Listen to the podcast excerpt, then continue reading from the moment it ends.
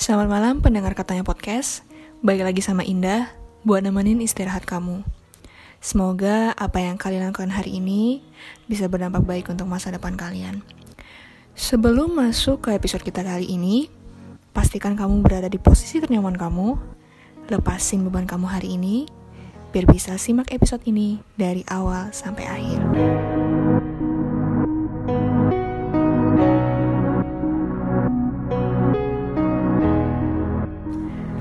Apa kabar kalian semua? Masih sehat? Masih betah di rumah aja? Semoga masih baik-baik aja ya di tengah pandemi yang masih berlangsung hingga hari ini. Beberapa dari kalian mungkin masih ada yang bekerja di rumah, masih bekerja di kantor seperti aku contohnya. Tapi di saat-saat seperti ini, aku harus menerima cerita sedih dari beberapa orang di media sosial yang terancam bahkan sudah kehilangan pekerjaannya. Ini terasa banget bagi aku yang tinggal di Bali, di mana Bali itu kan pariwisatanya kenceng banget ya. Kalau ingat Bali, ingat liburan.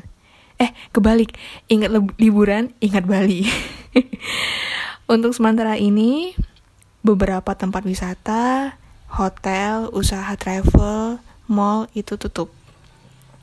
Suatu masalah itu pasti ada 50-50 ada positif dan negatifnya. Tagar di rumah aja adalah salah satu cara untuk memutus rantai penyebaran COVID-19 ini. Negatifnya, ada yang terancam, tidak mendapat penghasilan, bahkan kehilangan pekerjaannya. Selama pandemi ini berlangsung, banyak sekali dan bahkan masih ada manusia-manusia berhati baik yang memberi sebagian rezekinya untuk membantu masyarakat yang membutuhkan sedikit tidaknya bantuan berupa pangan. Satu hal yang pernah aku saksikan di media sosial adalah saat aku mendengar sebuah rekaman yang di dalamnya berisi kisah sedih yang kalau didengar baik-baik itu bikin aku nangis. Suaranya adalah seorang bapak yang bekerja sebagai driver taksi online. Bapak itu cerita kalau saat ini beliau berada di posisi yang sangat-sangat sulit.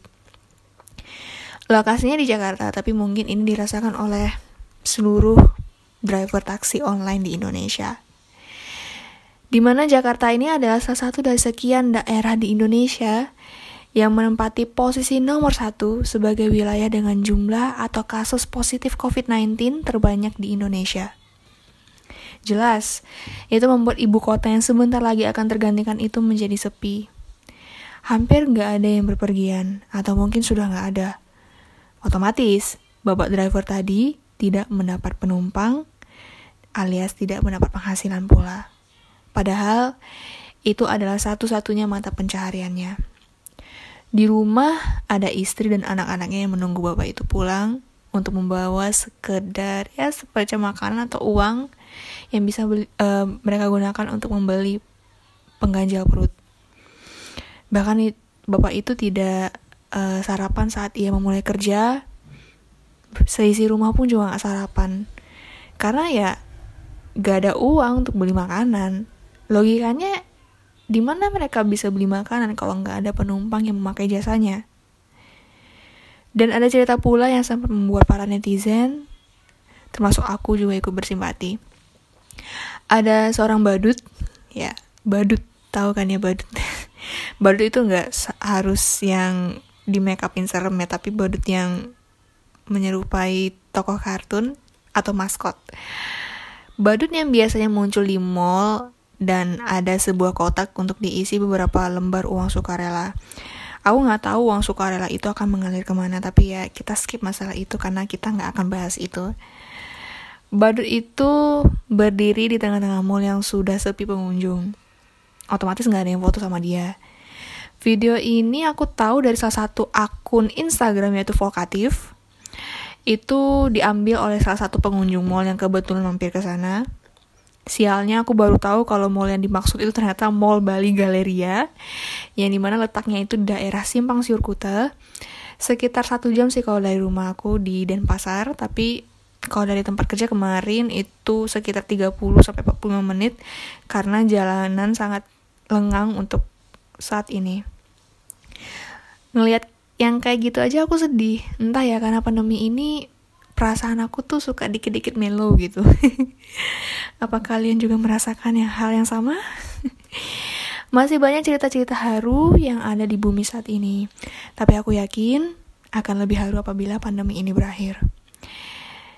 Dari pandemi ini, banyak manusia yang tergerak hatinya melakukan hal-hal positif seperti membagi sebagian rezekinya, seperti donasi, turun ke jalan membagikan masker, membagikan makanan untuk pedagang kecil yang masih bertahan, makanan untuk tenaga medis, dan masih banyak lagi.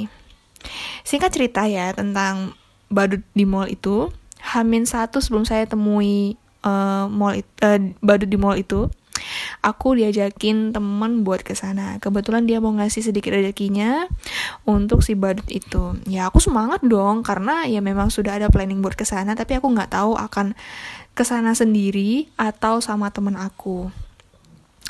Jadi setelah itu berencana deh aku besok setelah pulang kerja jam 4 aku menuju ke sana. Aku lihat sendiri setelah sampai di sana tuh aku lihat sendiri beberapa outlet di mall tersebut yang biasanya ramai pengunjung kini tutup. Tapi tenang, itu sementara. Badut itu ternyata ada di lobi lantai satu. Dia masih berdiri di sana meski ya kayaknya nggak ada anak-anak di sana. Karena kan badut kan identik dengan anak-anak. Kita berdua hampiri hampiri dia dan teman saya memberikan sekotak makanan yang dia bawa dan samar-samar saya dengar dia mengucapkan terima kasih. Aku sempat coba lihat wajah si badut ini untuk memastikan dia tuh cowok apa cewek gitu. Yang bawa badut ini cewek cowok gitu. Tapi ya nggak begitu berhasil karena namanya badut ya mungkin kudu sembunyiin wajah kayaknya ya.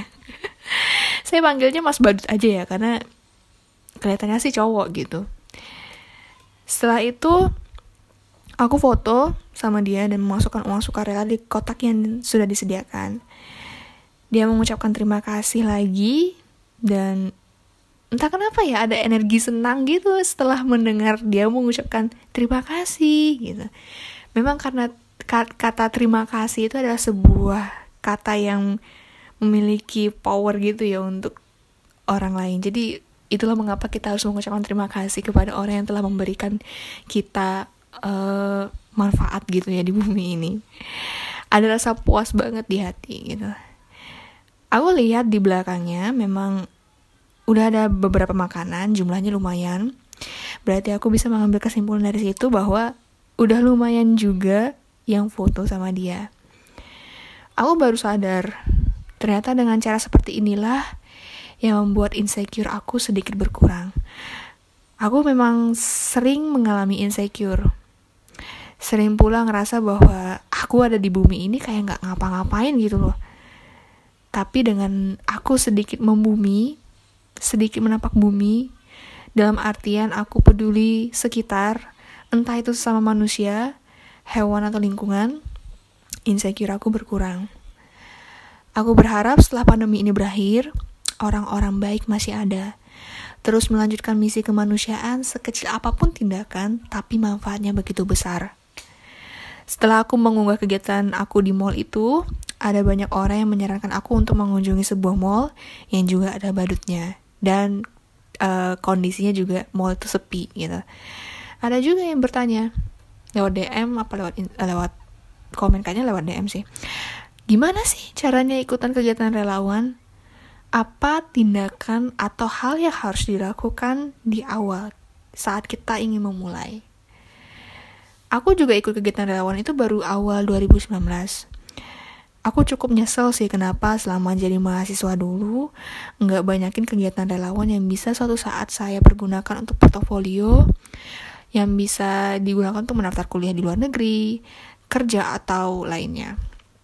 Untuk kegiatan relawan di kampus sebenarnya udah aku laksanakan tapi di dalam intern kampus entah itu jadi panitia uh, panitia yang dibutuhkan uh, unit kegiatan mahasiswa, tapi yang dimaksud di sini adalah kegiatan relawan yang di luar kampus, alias yang um, ya pokoknya event-event yang ada di luar uh, kampus gitu. Tapi ya udahlah ya, udah berlalu juga. Jadi saat ini aku ikut kegiatan relawan yang bisa aku lakukan, di mana kegiatan relawan ini aku bisa bagi waktunya dengan kegiatan pekerjaan aku.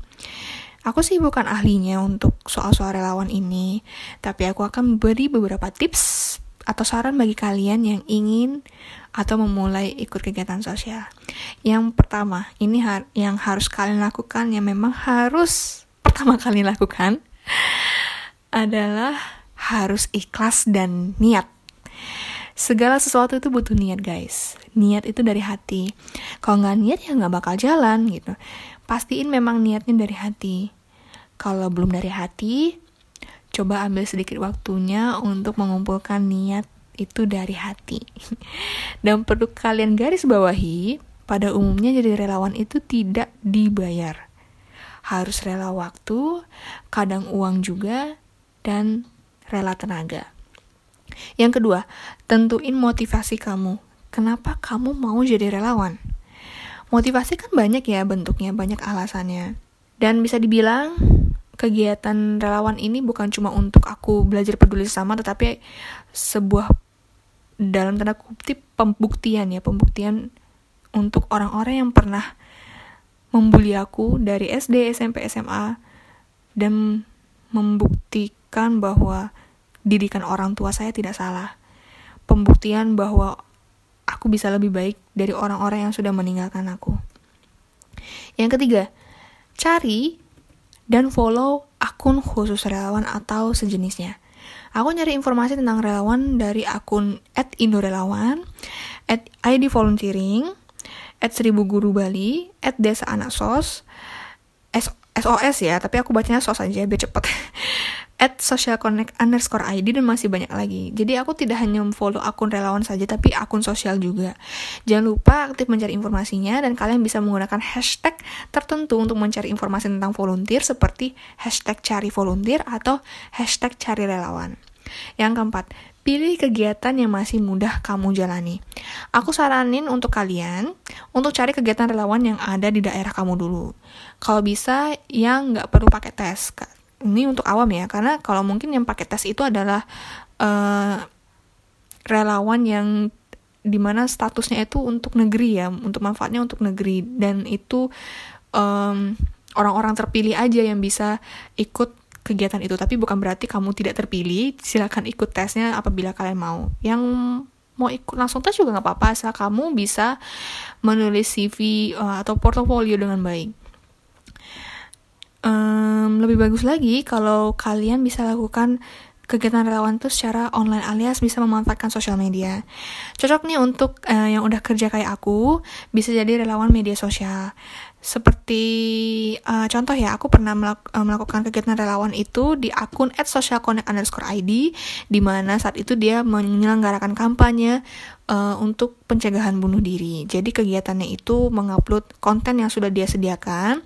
Kita memanfaatkan sosial media pribadi kita untuk share informasi itu lewat instastory dan feeds aku. Jadi kalau kalian pernah ngelihat, um, aku pernah ngupload tentang pencegahan bunuh diri. Dan kalau nggak salah itu fotonya itu masih ada di feeds aku jadi kalian bisa lihat nah itu adalah salah satu partisipasi aku dalam kegiatan relawan di at social connect underscore ID karena ya mudah aja itu untuk dilakukan saat aku jam kerja dan bisa dikerjakan jam berapa aja asal sesuai waktu yang diberikan oleh pihak panitia. Nah, kalau kamu udah mahir nih, udah banyak banget pengalaman relawannya, kamu bisa coba kegiatan relawan yang di luar daerah tempat tinggal kamu. Misalkan kamu tinggal di Denpasar, kamu bisa cari kegiatan relawan yang ada di Jakarta apabila event tersebut menerima relawan dari seluruh Indonesia. Yang kelima, Jangan lupa sharing. Siapa tahu ada yang minat juga jadi relawan. Nah, cerita ini sangat diperbolehkan ya. Bisa di media sosial atau di mana pun. Kalau kamu punya blog juga kamu bisa uh, bagi-bagi cerita di situ atau kalian yang narsis nih, yang apa namanya sering buat vlog, kalian bisa juga cerita-cerita di situ. Siapa tahu menginspirasi dan kamu bisa dimintain tolong untuk bantu ngasih ide tentang karyawanan. Dan di tengah musibah ini ya, saya, uh, aku bisa menyimpulkan bahwa masih banyak manusia baik di bumi ini. Mereka tuh banyak, cuma kurang terlihat aja. Karena sebagian masih salah paham atas tindakan baiknya. Aku harap gak cuma saat pandemi ini kita berlomba-lomba berbagi rezeki, tapi seterusnya alias seumur hidup. Nah, kalau kamu ingin tanya-tanya atau ingin tahu kegiatan relawan, bisa DM atau stalking Instagram pribadi aku. Karena di situ aku juga udah menyediakan highlight story khusus volunteer, kadang juga upload di feeds. Sepertinya untuk episode kali ini aku cukupkan sampai di sini. Makasih ya udah dengerin episode ini dari awal sampai akhir. Bagi kalian yang mau bagi pengalaman atau ingin berbagi cerita, bisa banget bisa lewat DM Instagram pribadi aku @indahhidayati atau @katanya.podcast atau juga bisa lewat email di katanya podcast2 at gmail.com. Jangan lupa follow Instagramnya, dengarkan lewat Spotify, subscribe channel YouTube ini, dan aktifkan notifikasinya biar kalian tidak ketinggalan episode katanya podcast. Aku pamit undur diri. Terima kasih. Selamat mimpi indah.